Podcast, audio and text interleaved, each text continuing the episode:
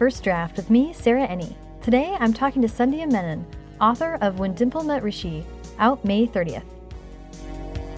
Sandhya and I had a plan on the book for weeks to chat while she was in Los Angeles for Y'all West. Then, the morning of our interview, some real airport nonsense went down. Thankfully, Sandhya got to her hotel in LA just in time for our chat and was remarkably calm and relaxed considering all that flight drama. Sandhya was so thoughtful and sweet, and she has a really great laugh too. So, have some Hotel Fiji water, make like John McClane in Die Hard and curl your toes on the carpet, and enjoy the conversation. Okay, so thank you so much for. I know you just basically got here from the airport. yes, I did. You're alive. You I made it. know, I made it. Thank you so much for. And actually, right off the bat, I'm mm-hmm. sorry to have to ask this, but do you mind just pronouncing your name so I make sure I get it right? Sure, I'm Sandhya Menon. Yeah. I was saying Sandia, so I'm happy to know. yeah, that's that's not as bad as some of the stuff I've heard. Okay. Good. Like I really don't want to mess that up the whole time. So, um, Thank you. So for this interview, we like to. I like to start at the very beginning, Okay. which is where were you born and raised? Oh, okay. So I was born in Mumbai or Bombay, India. Okay. Kind of raised there and in the Middle East. Okay. So back and forth a lot. And then when I was 15 is when I moved to the US with my parents. Okay. Where in the Middle East? Like, Dubai and Abu Dhabi. wow. Yeah. Okay. And then also going back and forth from the U.S. or was it like one place, No. one place, one place? It would be like a couple years in Dubai and then back to India. Mhm. And then maybe like to Abu Dhabi and then back to India. Okay. So every like two or three years. Yeah. That's a lot. I know, it was. But you know, I don't even remember being afraid or scared or intimidated because it was just such a part of my life that yeah. it was like, yep, time to time to move again, you know? Yeah. Kind of like military families, I guess. Right. Like time Yeah. to kind of start over. Exactly. That's kind of extreme. uh, Two or three years. It is, And yeah. then like a total self renovation. Yeah. The nice thing was that in India, like our base was the same. Like we had an apartment there Oh, the whole time. So I kind of knew the neighborhood already, but the schools and the people would change. Yeah. So I kind of had kind of a home base, but then there was also a little bit of new stuff around Yeah. it. But then I also had a lot of family in India, so Mhm. it felt more comfortable to kind of go back there every couple of years. Yeah. Yeah, that's nice to have that feeling of like one place stays steady. The same, yeah. Were you was your immediate family really big moving around or like siblings? No, no, it was just my parents, um, me, and my sister. Okay. Yeah. Yeah. But I have a huge extended family, so they were the ones who we'd go back to in Bombay, and they were really like I say they're extended, but they really were kind of like second parents to me. yeah. So you know, it didn't really feel like extended family; it just felt like family. Yes. Yeah. I'm really interested in uh, we I want to get way more into like a transition to US life. Okay. But also the difference between moving from India and like an Abu Dhabi versus like Mm-hmm. were any of them significantly harder than the others? Like what were the different transitions like? I would say that the U.S., where I moved to South Carolina, Oh, okay. Charleston, was by far the hardest. Really? yeah. Yeah. Yeah, and I think that was because I was 15, Mhm. but also in like Dubai and Abu Dhabi, there are these very big Indian populations already. Mhm. In fact, I even went to Indian schools when I was there. Really? That's awesome. Yeah, so it you know it wasn't like I had to learn Arabic and everything, but it wasn't like a completely different culture and customs. Like mm-hmm. nobody there shared what I knew. There was always that feeling like I could find a community where people knew who I was, and Right. you know. But um, when I came to the U.S. and South Carolina, especially, it was not like that at all. It's different. So yeah, it was Yeah. totally different, and I thought I knew everything about America from watching movies. Mhm. So I was like super confident, you know. I was like, "Oh, I got this, whatever." And then I was like, "Oh my god, what is going on?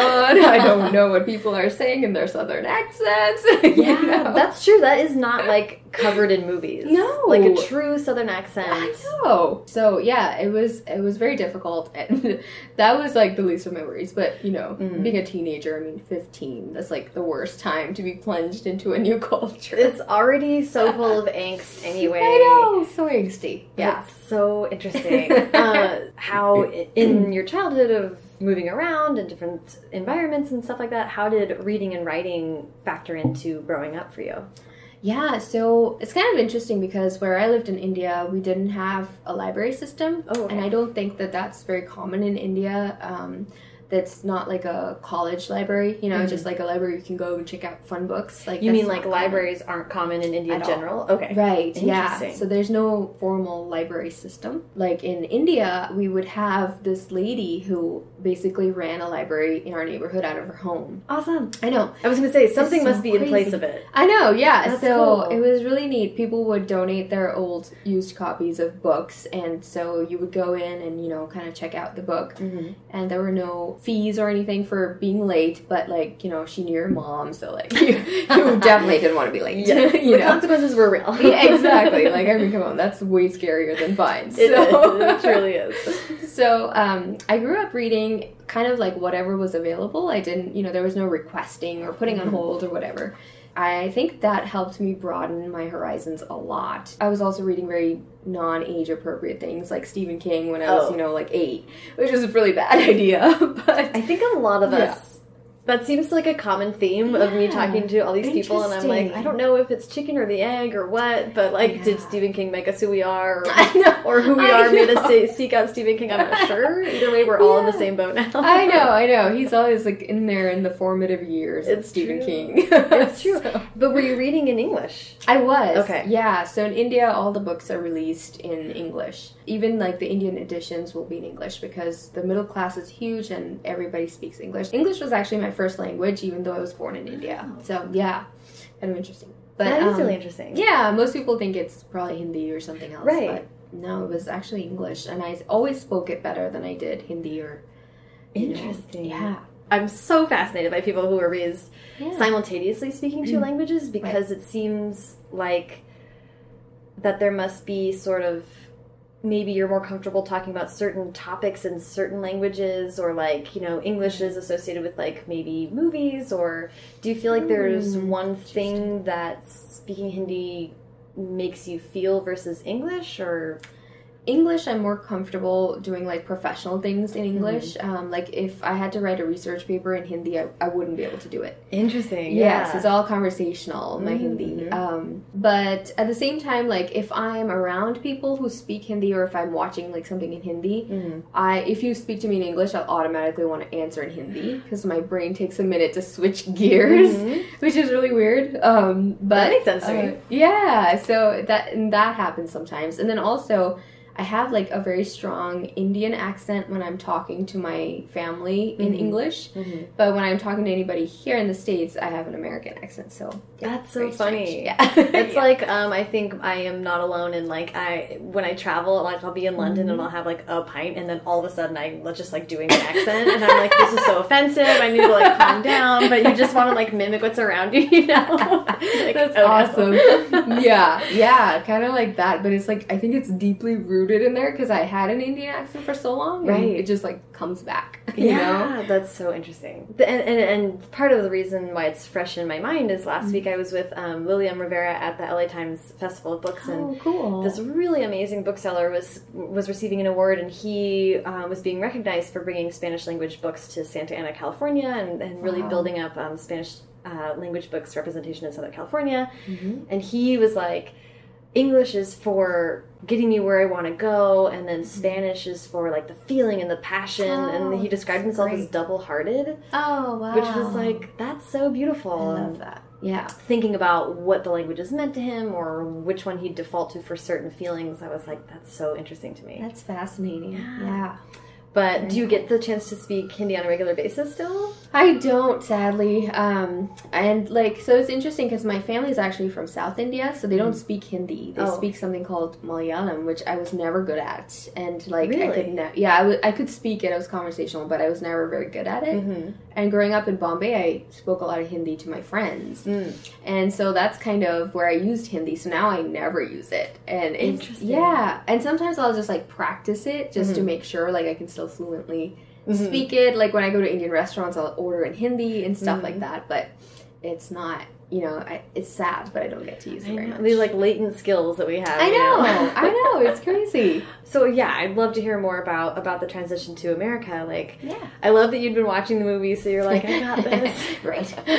what was and is your sister older or younger? She's six years older. Older. Yeah. Okay, so you're kind of like on your own then. I am, By yeah. the time you're like high school in the U.S., like figuring it out. Yeah, I was. Um, she didn't move here, so it was just me and my parents who There moved here. She was already in college at that time, and like finishing up college. But I know it was crazy. It was That's a lot. Yeah, it was just. I have no words to describe the, the culture shock. Yeah, but oh, but but the original question. This ties in though. Mhm. Were you uh, were you doing any writing at that time? Was that like something or reading? Or was that a place where, where you could kind of escape? Or Yeah, definitely. So I was still writing. Mm-hmm. Um, started out writing short stories. So I was writing a lot of short stories and some very bad poetry. and um, so I was doing that in like my spare time, and then I was also reading. I lived kind of walking distance from a library, and so I was like, "Oh my god, you know, like what is this place?" I basically started spending so much time at the library that the librarians asked if I wanted to start volunteering there. Cool. and so I did. And That's yeah. awesome. I know, I loved it so much. It was just an amazing experience. So yeah, it, it definitely tied me and, you know, tied me to the culture and helped me kind Yeah. of root myself a little bit better. So that so that was like a safe haven for you, kind of, and books. Yeah. What kind of short stories were you writing? Um, that's a good question. I think just whatever I wanted to. I don't think there were ever any genre or Yeah. anything, any specific topic. It was just like whatever I wanted to. nice, yeah. nice. Did you think were you ever like thinking about this is something I really love and I want to explore in a maybe like professional way or Yeah, I, so I always thought about that, and my parents being Indian were like definitely like sorely opposed. Um, like just like Rishi's parents, you know, like arts Mhm. are not a career, so Right. don't do that. I do have an uncle who r- likes to write, and he actually went into advertising and kind of Oh. writes on the side. mm-hmm. So I always knew there were people who did write, but you know, just constantly being told like, don't do it, it's a bad idea. You know, you can't support yourself like that. On the other side, there were people who were like, you should totally do that because then your husband can support you. You know, and it was That's like. right, right, Um, right. Neither of those options sounds good to me. So, so yeah. So I, I never really considered that it would be like my sole profession or something. You know? But something that you were, were definitely like engaged in Yeah. pretty frequently, it sounds like. Definitely. I was always writing, and I always thought it would be a part of my life forever, Mhm. but I just never thought I could be a professional writer. Were you I mean, were you like actively like fighting against that? Like with when your parents sang or were, was it just a part of how did you think about it? Because I know Um, Dimple kind of like actively like Right. right. I think she's like who I wished I was. I was never quite that brave. No. Um, no, I was more like Rishi in that. So I was kind of like, okay, you know, you're right. Maybe I'll teach and then I can write on the side or, you know, stuff like that. But then I um, I took a psychology course in um, high school. It was like an AP course, and um, I fell in love with that. So I decided, okay, I'll do psychology in Yeah. college instead. Uh, that's So- amazing that they had that in Yeah. high school. Oh yeah, my high school was like this small magnet school. It had like a 99% acceptance rate, rate into college or something like that. So they were constantly pushing us, you know, like we didn't have any classes under the honors level, but you had to take a certain number of college classes. So Yeah. yeah, it totally opened my eyes to this whole other world. It feels So- like well, it's kind of funny. It, I'm like you know because that's such a psychology 101 is this like rite of passage for like college Yeah. freshmen. I feel like, but I also think it, that a high school level class of that would be like Mhm.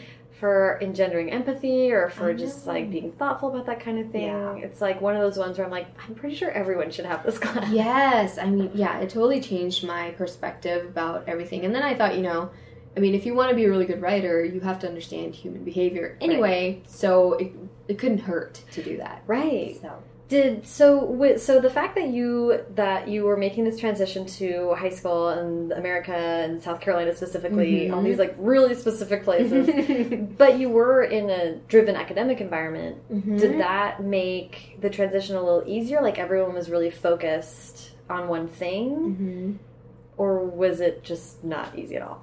Um, it was definitely easy because everybody was there because they were passionate about academia and wanting to go to college. And then also it was a really small school, so like my class only had like 80 kids or something like that. Really? Oh, dang. Yeah. yeah. So it was great. There were no cliques, you know. Um, awesome.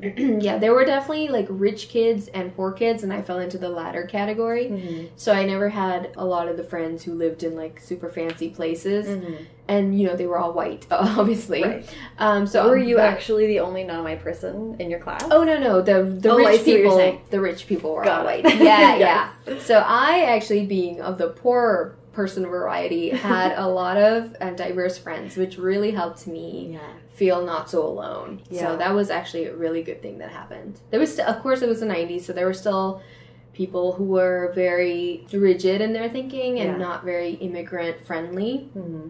So there was that, but for the most part, I have good memories of um, high school for the most part. Was there any Indian community or like you know neighbors or anything mm-hmm. to kind of soften the blow of like brand new place right so my parents immediately like hooked me up with the one other indian girl in my class there you go which was funny because she and her parents she was born here mm-hmm. uh, in the states and her parents uh, were had been here for like 30 years or something mm-hmm. so they were very different from us mm-hmm.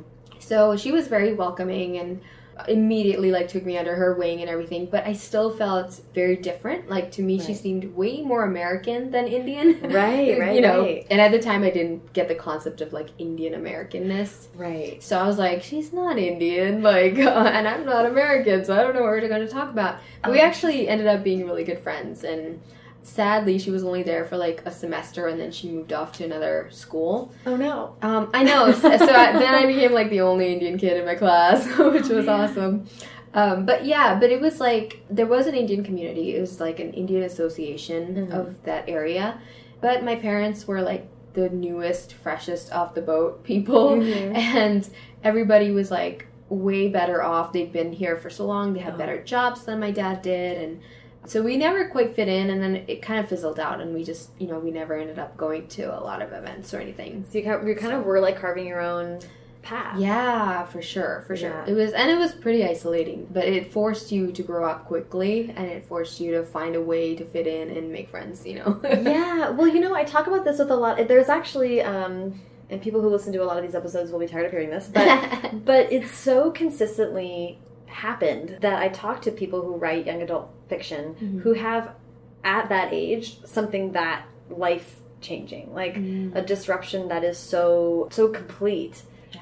and my because i moved to, from texas to california when i was 12 and so you know just any time that you're like burn it all down and start over yeah. and you have to sort of like shape your life and think about who you are and what do i want to be perceived as mm-hmm. it's like this mm-hmm. moment to really it does make you grow up fast. Like yes. I'm really responding to that. And in a way I kind of feel like maybe that's why a lot of us are pulled to think more about that age. Yeah. And the feelings at that time because we had to grow up so fast and think about it so dynamically at that time. I don't think any of us are like underestimating teens. Exactly. We yeah. had to really like know ourselves and be quick on our feet at that age so we like respect that. Yes, I think definitely. I totally agree. Yeah, yeah. You're not sheltered. You're not that spoiled like yeah. kid that a lot of people think teens are. I think teens can be some of the most resilient people. Mm-hmm. So well, and something that I think is consistent with like I was talking to Jenny Han a little bit about this, mm-hmm. um, who is also the daughter of immigrants, and she, I mean, and she was an older sister even. So it was really the onus was on Jenny to like figure out the norms, figure right. out her place, yeah. figure out how to move forward. Mm-hmm. You know, she was talking about her parents not really being able to help her with college applications because right. they were like, "We don't know. We trust you, Jenny," and it's making yeah. her the adult exactly. way before she may have been yeah ready. So was that anything like your experience? Oh yeah, definitely. My parents um, they tried hard because they wanted me to go to college and do these things, and but ultimately was up to me, yeah. you know, um, the SATs, like kind of the prep, and, and they didn't oh know gosh. any of the yeah, and which is all really complicated. I know it is, and especially if you have no concept of what an SAT is. Like for the yeah. longest time, we called it the SAT because we yeah. thought it was the SAT, and so it was like just like totally so different. And um, yeah, so I did all the application things and everything myself as well, and and hope for the best. and you know, I wasn't eligible for a lot of like scholarships and mm-hmm. things like that, and and the federal loans, you know, because right. we'd only been in the U.S. At, like for a year and a half or two years at that point. Wow. So yeah, You weren't eligible for it I because wasn't. it was so recent. Yeah. Whoa, that's crazy. yeah. So I was on like Huh. this visa under my dad's work visa, and Right. You know it was a different ballgame for like. Yeah, by the way, figuring out college is hard enough I as like a foreign citizen. So like layering that on top of like bureaucracy on top of I that. know, right? Oh Oh, my my, God. gosh, I know it was horrible. So yeah, and the other fun thing was about being on my dad's visa was that I didn't have a social security number oh. myself. So people would, as soon as you said that, their faces would like close up because they thought you were here illegally. And I was like, it's not like I could walk over from India. yeah, honestly, like obviously we're. Oh my god.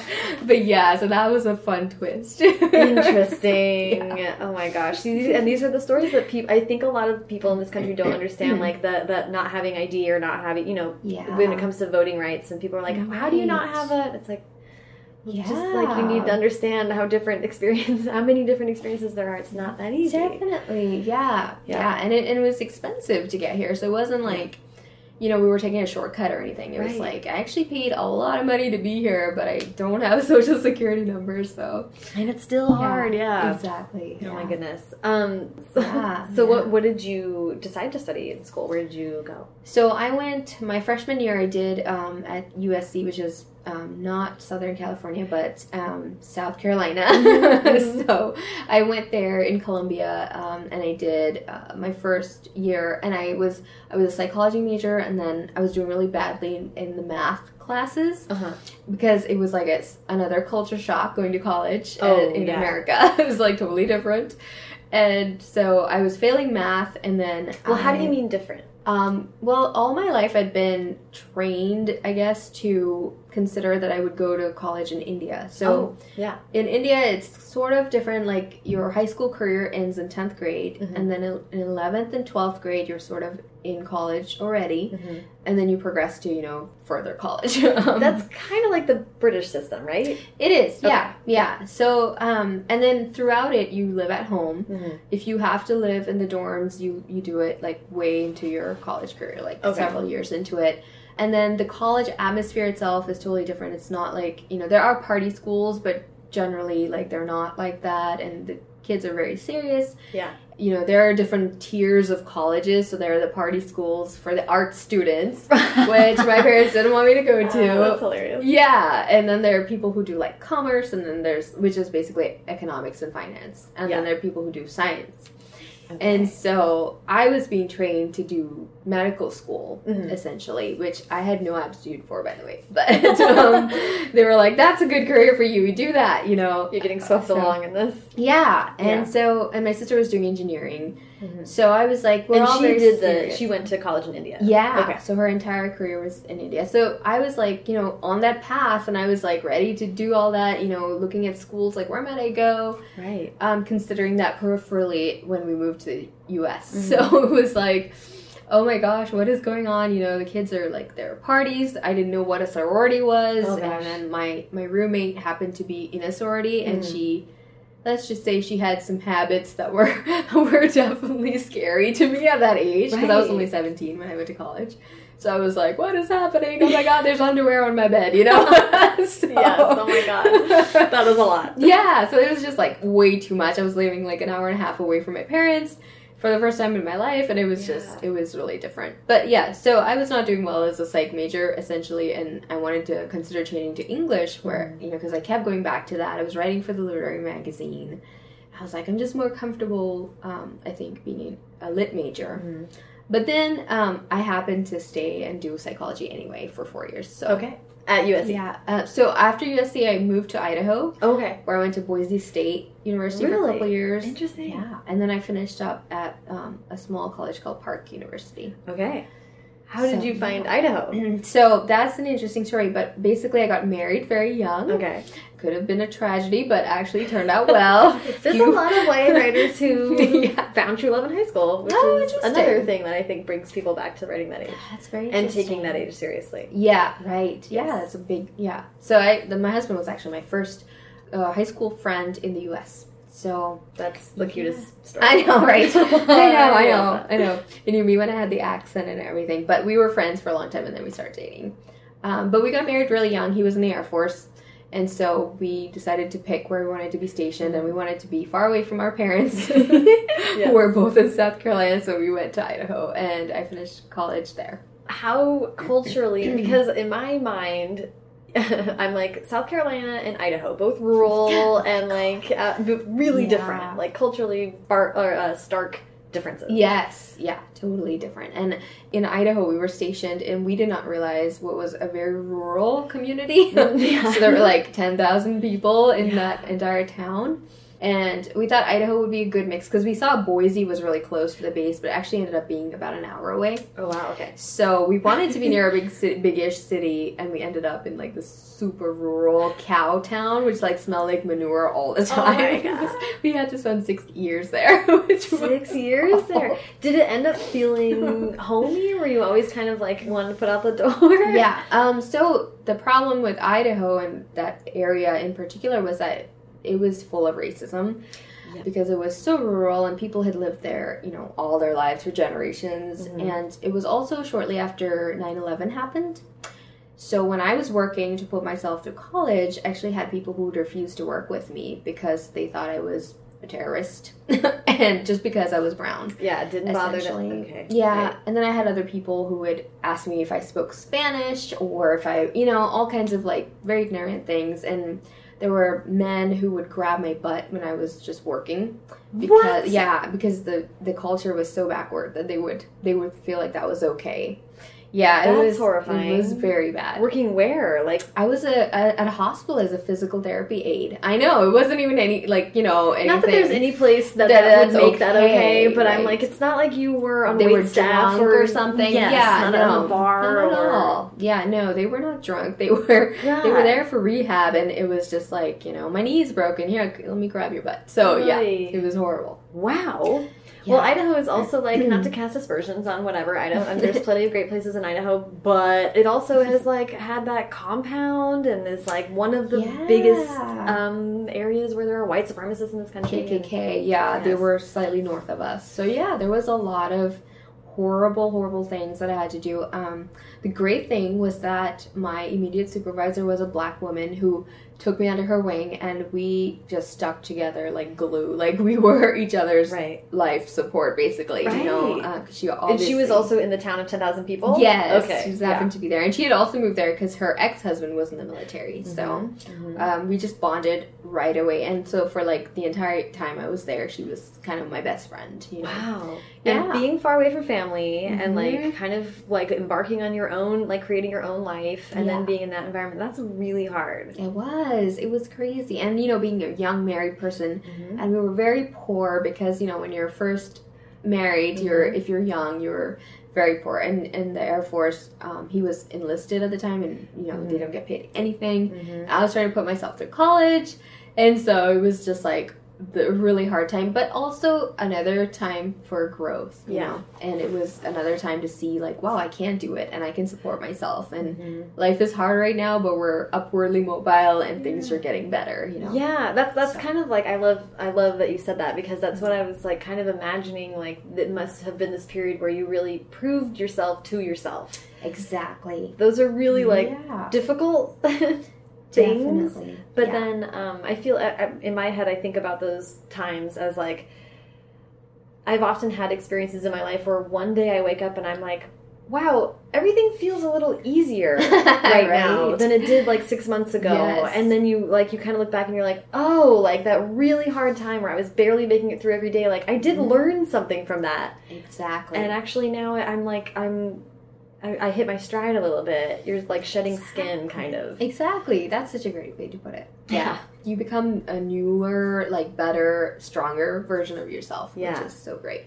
I think I was very lucky. My husband and I have had a great marriage, like from the start. We've been like best friends more than anything, Yeah. and so I've always had a home to come back to. You know, so That's so even even when I was like in this horribly racist, sexist, like cesspool, Yeah. I could come back home and I knew he'd understand. So I think that's whatever your support system is, like you have to find it. Like him and then my best friend, who was you know the black woman I, I, ta- I talked about, like you just have to have those like people in your life i think who are who will understand and unconditionally love you no matter what. Yes lifelines. Yeah exactly. Yeah. So how did at that stage of your life how was writing? Were you still doing it? Were you thinking about it? I was still doing it on and off. I remember there was a hard time when i was working two jobs and going to college full time. Mm-hmm. And i don't remember writing anything during those years because there was no time. which makes like, sense. literally yeah, yeah. and no like dry having to drive between. Yes. But i would always make time like apart from that time i always made time to write because it was like release. Yeah. So i had journals but i also had like short stories and poems that i was always working on. Yeah. Yeah. That's amazing that kind of thing is interesting to me because i'm guessing at that time you still weren't i want to be a published author? No. No not at all. And what's funny is i loved sophie kinsella like i devoured all her books. And at that time i started writing what was like my first chick quote unquote chick lit novel. Mm-hmm. and i worked on it for years and i never thought like what's the end goal? I just was writing just Yeah. for fun. You know let's see if you can do a book like sophie kinsella can you know? Right. it's so I like I'm just like I love hearing that because it is very just interesting how writing is truly just a passion. It's yeah that's true for most people that I get the chance to talk to. It's like, well, I was Mhm. just always doing this, and then like Right. one day it was like, well, maybe I can be published. Like we tell Exactly. ourselves what we love to do. yeah So obviously, in some cases. right So what? Um, I do want to get to When Dimple Met Rishi. okay So bring me up to speed there. When did the publishing light come on, or did this idea come first, or how did you get to it? Uh, so this idea was actually my editor's idea. Okay. I know. Yeah. So Jen um, Ung, who's my editor, she came up with this idea because she has always had Indian friends and has loved Indian culture, Mm-hmm. and so she, you know, had this idea for two teens who were like polar opposites, and their parents wanted them to kind of end up together in the Mhm. end, you know, and that was kind of the loose idea she had Okay. and she wanted an Indian American writer to write it. Mhm. So she reached out to a couple of agents and said, "Do you know anybody who would be interested?" Um, my agent was one of them, and my agent was like, "Hey, at the time I was writing all dark adult stuff." Oh. And yeah, and so she was like, "Hey, this editor's contacted me with this idea, and she's looking for somebody to write it. What do you think?" And I, I was like, "Eh, I don't know about writing somebody else's idea, you know." I Right. was, oh, come on. and I was like, and plus it's like sounds so like not at all what I'm usually writing. So I opened up the proposal and I read it. It sparked my imagination in like a way that hadn't been sparked in except at that point, and I'll get that to that later if you want. yeah. But yeah. I hadn't written in like a year. It just like it I don't know, it kicked something into gear and I was like, wow, I have to try. You know, at least I have to try. Yeah. Um, so the idea was to write like 30 pages. well, let's back up just Yeah. really quick because I totally want to hear about how you go from trying to write the chick lit to Mhm. then writing this really dark stuff. Like, fill in the gaps there. What was going on? Yeah, so that's a good question. So there were about 10 years between writing the chick lit book Mhm. and writing the dark adult stuff. But um, basically, I kept writing stuff and I wrote um, some short stories for like little anthologies that were Mhm. published, and they were all like horror stories Really? from my Stephen King days, Ooh, obviously. Interesting. Yeah, I love horror. Like I really love horror. Um, so I, I wrote short stories in that, and then actually I was like, maybe I could write a book and like have people read it, you know. Mhm. And at the time, I had just had my kids, so they Mm-hmm. were like they were a year apart, which was not planned like that. Oh goodness, yes. yeah. So I was like, whoa, I have two little kids, and I'm going crazy. So that was a lot. Yeah. So maybe now is a good time to start writing, and Mm-hmm. so I wrote this book, and it was a dystopian. Mhm. And at the time, people were like, it was 2012, and people were like, you know, dystopian is over. Like, traditional publishers are not going to buy that. So I decided to self publish it. Mhm. And so I did, and it did fairly well for self publishing. And um, I got a little bit of an audience and stuff. And then I torpedoed it by writing like something completely different next. And so people were like, what is this? This Oh, is not at all, you know, what you were supposed to be writing. But I loved that book that I wrote. It just wasn't dystopian, it was contemporary, and it was dark, and it was adult. Okay. So um, after I wrote that, I was kind of in a slump, and I, I wrote some other self-published some other things, Mm. but you know, I didn't really know what to do, and that's when my agent found me. Ah, So okay, she so could- she found you. Yeah, Okay. so she had downloaded my that contemporary dark book Mm-hmm. that nobody bought basically, and she bought it and read it and loved it, and so she was like, "I really like your voice. I think you know you could do well in traditional publishing. What do you think?" And I had never been opposed to traditional publishing. Mm-hmm. I just didn't want to spend a lot of time querying and things like that. Yeah, there's So- whole like Yeah. system. yeah, exactly.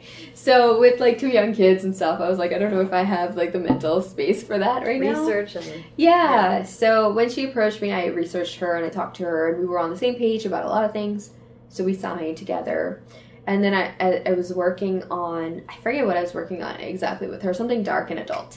And then I just, it just fizzled out and I just stopped writing. Like, I Really? just didn't know where to go with it. And I was like, I'm just done. And so actually, I started grad school okay. um, for psychology. ah, And I was like, maybe you know, I'll just go on with that plan Mhm. since the writing thing. I don't, I just don't know what's going on with it. So were you feeling like I'm really interested in this because yeah, it seems like I just I love that you were sort of on this path and then it kind of fizzled out or you were like struggling with it and then what sparked you you creatively with something so different like Yeah.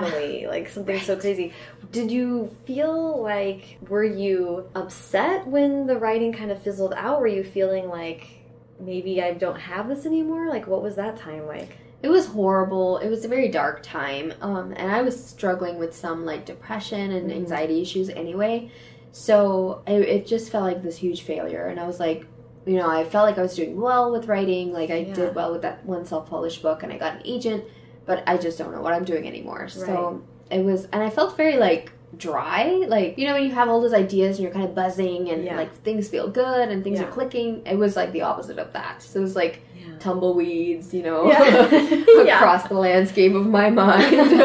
And at this point, were you in Colorado already, or were you still? no, in- we were still we had moved back from Idaho to South Carolina. got it. So yeah, so this was all Oh. in South Carolina again. So you're back where you kind, where your like American journey started, and where the family is, Yeah. and you have the two young kids, Yep.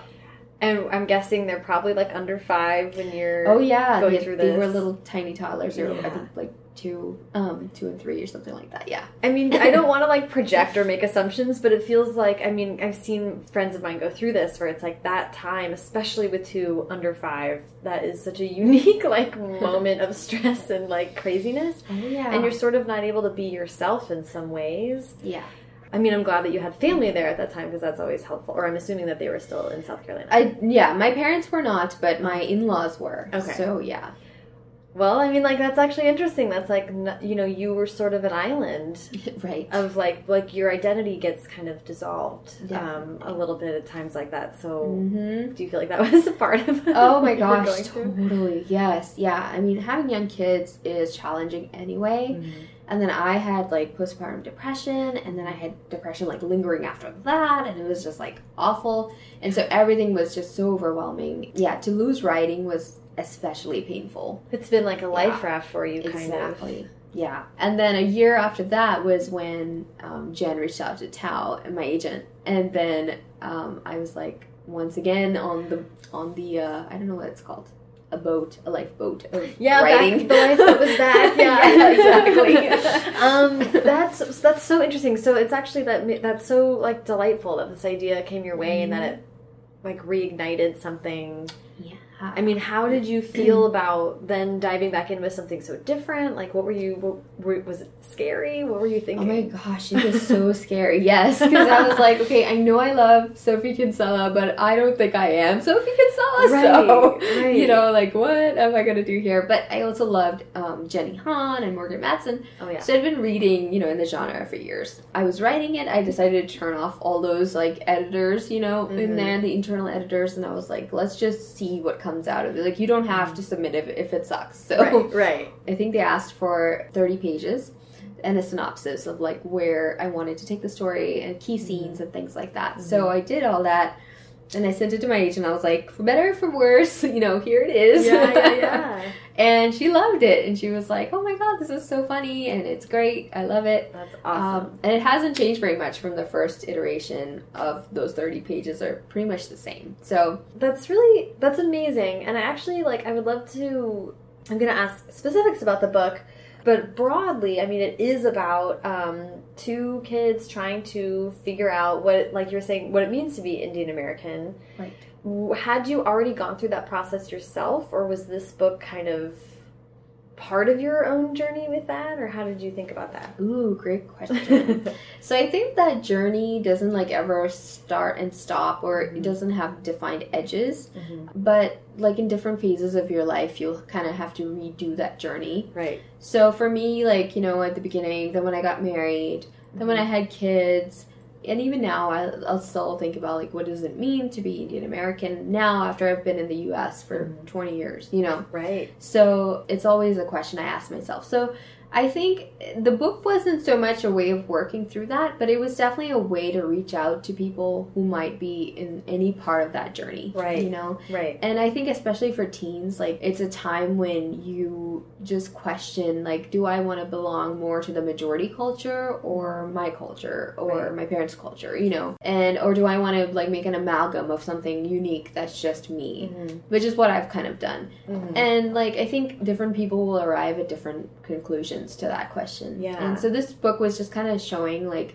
that it's normal and it's totally okay to do that and everybody does it, you know? Right. And I like that having two points of view sort of let you like right. look at two different approaches right. and it was also funny because like as much as I identified with Dimple and Rishi, I also really identified with Dimple's parents and Rishi's parents right. because I was a child of immigrants and a teen who was a child of immigrants, but I was also an immigrant myself. Mm-hmm. So, you know, having to grapple with like losing parts of your culture or your yeah. language or, or whatever, you know, it's very yeah. hard. One of the things that totally like tugs on my heartstrings is like you could choose to want the your cultural identity to be a part of your daily life, but then like mm-hmm your immediate environment doesn't also involve people who are engaged right. in that culture, then it's always on you to be like, can we watch a Bollywood movie today? Right. Um, exactly. And that's hard too, you know. Mm-hmm. Like a vigilance. exactly. Yeah, and it gets tiring because you know there's a lot of like pushback because you know I'm trying to teach my kids Hindi, for instance. Right. But you know 99.9% of their day they're hearing english. Mm-hmm. so of course no matter how much i teach them they're still going to default to english every time. Right. And hindi is always going to be like this alien foreign language to right. them and i just have to make my peace with that. Like that's that's how it is you know? And it's hard sometimes and you're and you get mad and you're like well why is it like that? You know? Right. Like that's so messed up and unfair. But at the same time you know you have to understand that this is like a totally different experience mm-hmm. for them than it was for me even you know well and yeah so. I, I mean i'd super love to hear you talk a little bit about that because because i can imagine being a teen you were so alone having to come to america mm-hmm. and figure out your journey and like find your footing really fast. Mm-hmm. And I'm sure you have feelings wrapped up with your parents and best intentions, but couldn't help you all the way, you know. And yeah. now you have this totally other experience where your kids will never really know what that felt like. Mm-hmm. That's hard. yeah, it is. It is really hard. And I think like some kids are naturally like curious about their culture, and that would be my daughter. Oh. And whereas my son, he's he's interested when I tell him stories, but you know, eh, whatever. Right. You know, he could he could take it or leave it, kind right. of thing.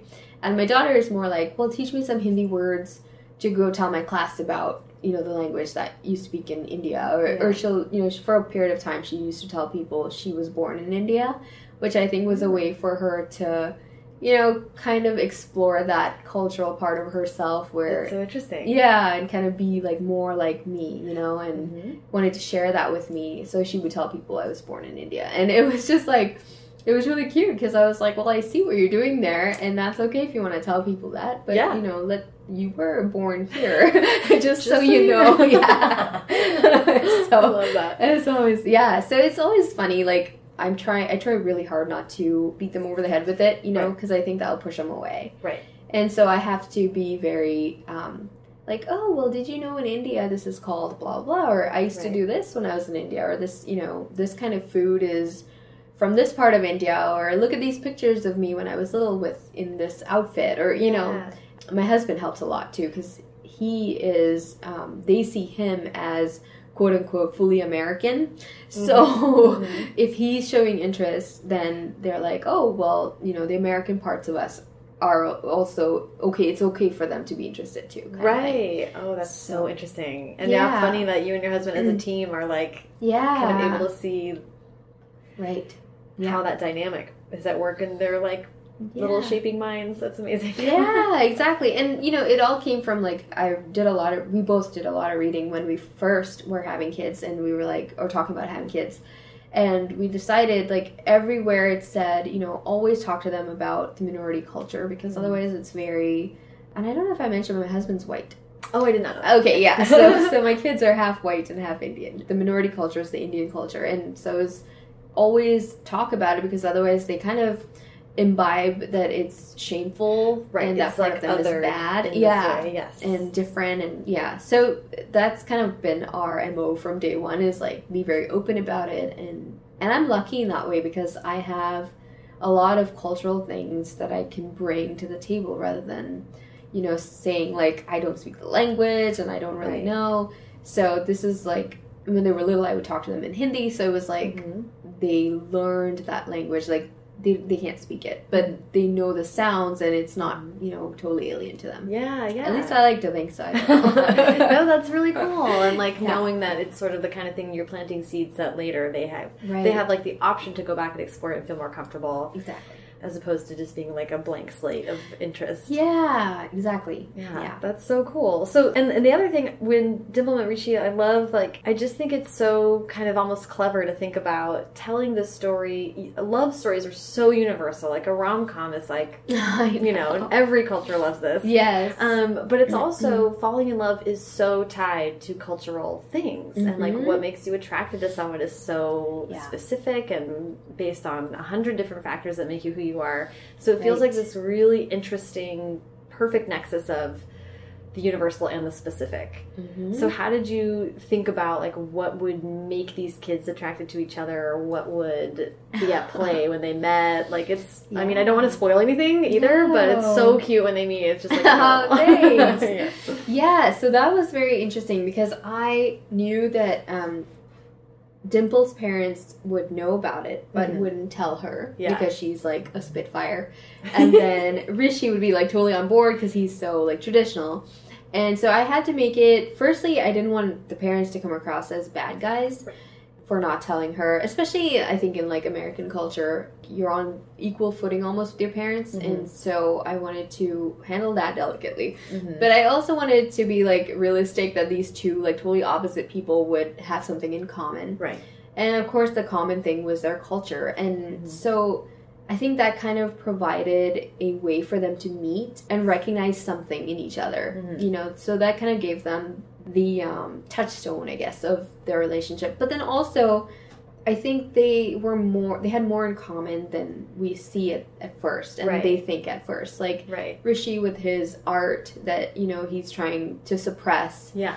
And l- learning to be more independent about that. And then Dimple with like, hey, my culture is not all bad and actually I have taken away things from my parents that I like mm-hmm. that I don't want to lose, you know. Yeah. So I think that that was kind of the balance that I was trying to get to make it all believable and yeah, yeah. and still cute. yeah, exactly, and still keep the adorableness. um, well, this kind of brings up another thing I'm interested to hear you talk about because rom coms feel so cinematic mm-hmm. that then writing them is a little like challenging because it's some of it's really visual feeling. Yeah. What were the challenges of making that genre fit for a book? Good question. So I actually didn't think of it as like putting a rom com movie into book form. Okay. Which I think helped. Yeah, that um, is helpful. yeah. And I think part of the process for me was like I always write out um, like really fun scenes. And I cannot remember who it is, but there's a writer who calls them candy bar scenes. Oh. Um, candy bar scenes are basically scenes you're super excited to write. Mm-hmm. And for me, those are always, they could be a mo- in a movie, you know? Mm-hmm. They're like scenes that I see very clearly in my head. And so I think that's kind of why that like I was able to do that is Yeah. because it, I did see it sort of as a movie in my head. Mm-hmm. You know. Yeah, that's helpful. Okay, let's see. What else was I gonna ask you? oh, uh, I'd I would super love to hear you talk about. Um, I loved that Rishi was so that he was so eloquent about like why he loved tradition and that he thought of it as being a part of history, and it was just like sort of the most endearing like way to hear someone talk about like why they care about certain like what are seen as rules or you know like his concept of whether it was rebellion or his choice. I thought it was like his position was like pretty evolved. Yeah. um but at the same time he was suppressing a part of himself and all that but i mean is that kind of did that come from your line of thinking about tradition and family and like keeping history alive kind of in your everyday life it was sort of like an amalgam of different things. Mhm. So I actually modeled him after a cousin I have mm-hmm. who has been very he's very good at like um, respecting his parents' wishes and Mhm. doing things the quote unquote right way. Mm-hmm. And I imagined what he would say about if I asked him why is that important to you, and if he he lives in India, but what Mhm. if he lived here in Right. America and he had to explain it to someone? yeah And then I mixed it with what I like about people who respect tradition, or why might you respect certain traditions. And I came up with Rishi's character, and so like I thought that was just a very common thing. I think in Indian culture is the reason that we have um, traditions and Mhm. rituals is because we are honoring those who came before us. mm-hmm. I wanted to put that like explicitly in the book because I think for me as a teen, like I was always like, but why is it important? Like, you know, Right. and it, I think sometimes it's good to have those words like on the page and maybe to some people it'll be like "Psh, i don't feel like that at all but to other people it might resonate you know Yeah. give a word to what they're feeling I would love to hear, and I don't want to, um, you know, we've just spent a lovely conversation so far, but like it's a lot of me like talking to you and asking you to explain like cultural things to me. And this is like an Uh-huh. onus to put on you too, which is not necessarily fair. Did you know kind of like when you took on this project, you're like, okay, this is going to open me up to questions about my personal life? Um, you know, because one of the things I want to talk to you about is arranged marriages, which Mhm. like is also a really deeply personal thing to be like, so do you know anyone? You know, like Yeah. these are questions that you that we shouldn't like necessarily be asking of authors, but it kind of lends itself with your book. sure How did you think about that? Yeah, I knew that people would ask me. Like, I think the first thing that happened was I used to write under the name SK Falls, Mhm. which my last name before I got married was Cuddy, Okay. and then my um, married name is Falls. So I, it's actually Cuddy Falls. But I Okay. was writing as SK Falls to kind of keep it nice and neutral for my adult stuff when I was self publishing because I was writing a lot of sci fi and stuff, and I didn't think people would necessarily buy it from somebody with my name. right, right, right. So um, it was kind of interesting when Jen came with, with the offer, and she was like, "Well, SK Falls is very not Indian at all, so let you know, can we use Sandhya Cuddy Oh, or Sandhya Cuddy interesting. Falls?" And I was like, at the time, I was in grad school, so I wanted some separation between like patients and my author life. So I ended up with Menon, which is a family name, which is my mom's maiden name, but. Um, but yeah, so th- it started early, you know, like that Right. kind of um, Immediately. cultural thing. Yeah. so so that was kind of interesting that you asked that. But yeah, and at that point I knew that people would say, "Well, why are you writing this story? You know, Right. what? How much of it is you? And are you a dimple or a rishi?" Which I Right. get asked a lot. So I knew that that was coming, and like arranged marriages, of course. You are you in an arranged marriage? Which happened like right away. Yeah, so I, I don't think that there's anything wrong with that. Like, I am okay with answering those questions, Mhm. and I like educating people um, because most, mm, like 99% of the time, it's coming from a well intentioned place, and Right. people ask it sensitively, like you have. So I don't mind it, but I can definitely see how it would become hard for people to start answering. Um, but then I am going to transition to just asking Sure. of what your experience has been of, of seeing arranged marriages and Yeah. So arranged marriages have been very common in my family. Just um, like growing up, I think pretty much trying to think if there was an exception, but I think every elder person that I had, like my mom's generation, dad's generation, was in an arranged marriage. So it was super common for me. It wasn't like, you know, uh, what? Um, Right. Or anything. And then also the other part of that, and, and the reason I'm mentioning it is because an interviewer said very astutely that in Western culture and Western movies, arranged marriages are portrayed uh, negatively a lot of times, mm-hmm. where it's a young woman and an older, gross man. Right. And so it's like more a power thing for the dads or the men in the family, and the mm-hmm. woman's more a pawn. Mm-hmm. And so that's not my, been my experience at all. Um, it's generally like in Rishi and Dimple's case, where the two families thought they're well suited for each other. The families come from similar backgrounds, mm-hmm. they'll have a lot in common you know, and then they can like further the traditions and all that stuff. Right, right. With their kids. So like it's just matchmaking. Exactly. Yeah. It was it was never like um oh well let's trade our daughter for land or something, you right, know. Right. Um That's so, such an interesting yeah. point. It yeah, so I didn't I mean of course I knew there was a negative connotation, mm-hmm. but I didn't quite think about it like that that people might think arranged marriages only exist for the male benefit. So. Which is really interesting to think about in the mm-hmm. context of like you know americans i do think have like this instant reaction to it that isn't positive but it's mm-hmm. like then we also how much do we promote like young women marrying old guys and it's perfectly their choice yeah it's like right. we have our own shit to examine uh, as always but um, that's so interesting yeah. um, for my um, my own self like my sister did not have an arranged marriage mm-hmm and it was never like something that my parents said you will have an arranged marriage it was like that's on the table but mm-hmm. you can also choose your own partner but the one thing that they did want me to do was wait and not get married as young as I did, and to not marry a white boy. so I managed to break both of their rules.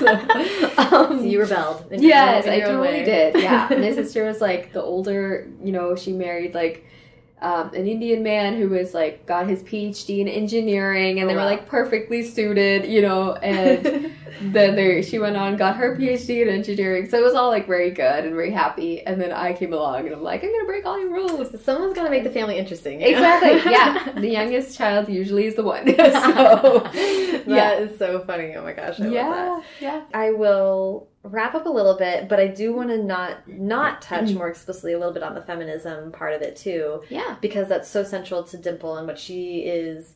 It's interesting to see her as a character. She's got a lot on her plate. Like she's working yes. out a lot of different things, and then the, mm-hmm. feminism and what it means to her is is a big part of it. Yeah. How much of that, you know, she really seems self actualized with it mm-hmm. um, at a young age, which actually is true for teens now. They have like so much vocabulary to talk about this yes. stuff. Um, yeah. How did you think of that in the context of she doesn't want to piss off her parents, but she does want to assert herself. right. So that was actually pretty closely based to, on my own struggle with mm-hmm. feminism, and I always knew I was a feminist.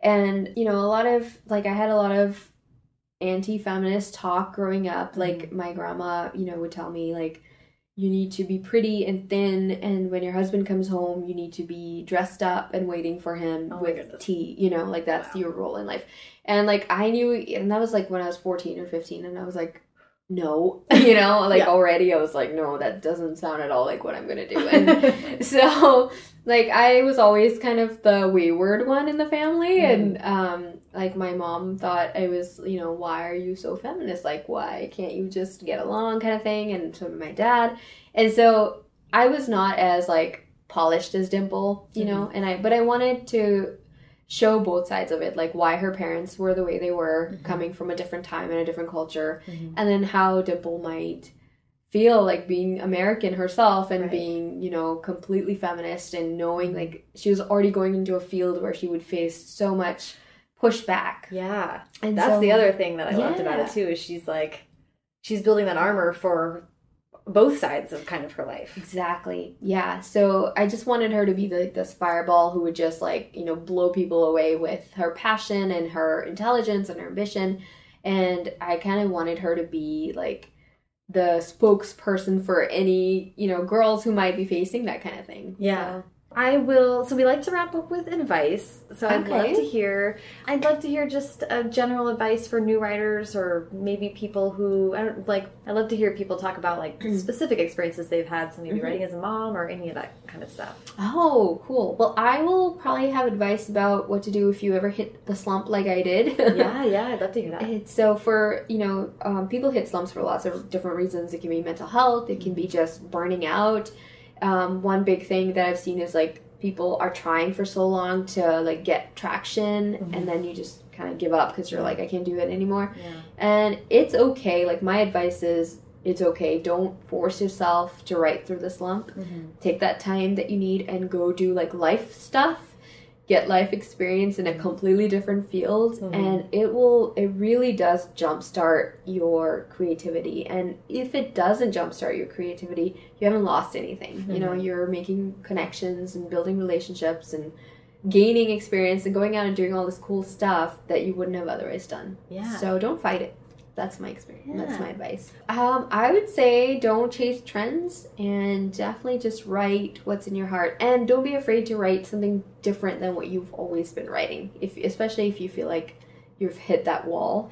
Yeah, I, I love your your story is very inspiring for that. Like you Mm, can thanks. be multiple. You know, like um, Stephanie Perkins is going to come out with Yes! this slasher book oh my in God, September. I'm so excited. Couldn't be more excited about it, but I also, you know, she's very upfront about it. She's like, "So, guys, Yeah, I'm like right. taking a turn now." Yeah, but I love, you know, this acknowledgement of like you're talking about Stephen King, and like Mhm. it doesn't mean that you can't. Like we're all, uh, we all contain multitudes. So exactly. I hate the Yeah. idea that you have you have to be on brand or like follow this one thing when truly we all have a ton of different interests and Definitely. they all inform each other. Yeah, And yeah. that's going to come through in the writing. Yeah, exactly. Just you know, do what do what really ignites your soul. Mm-hmm. Yeah. Yay! Well, it's a perfect note to end on. Thank Yeah. you so much for taking this time. Thank you so much, Sarah. Awesome.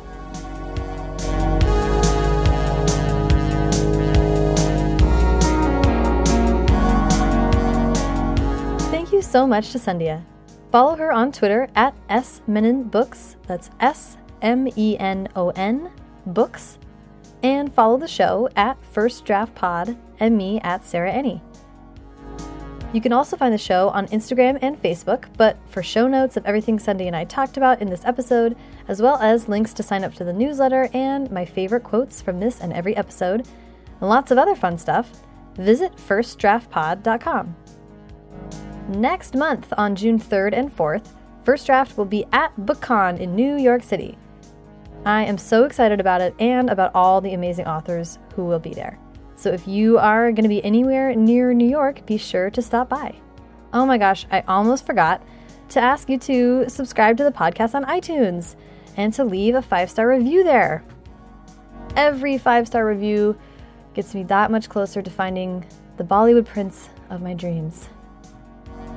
Thanks so much to Hash Brown for the theme song, and to Colin Keith and Maureen Gu for the logos. Thanks to super intern Sarah DeMont and transcriptionist at large Julie Anderson. And as ever, thanks to you, Romcom Meet Cutes, for listening.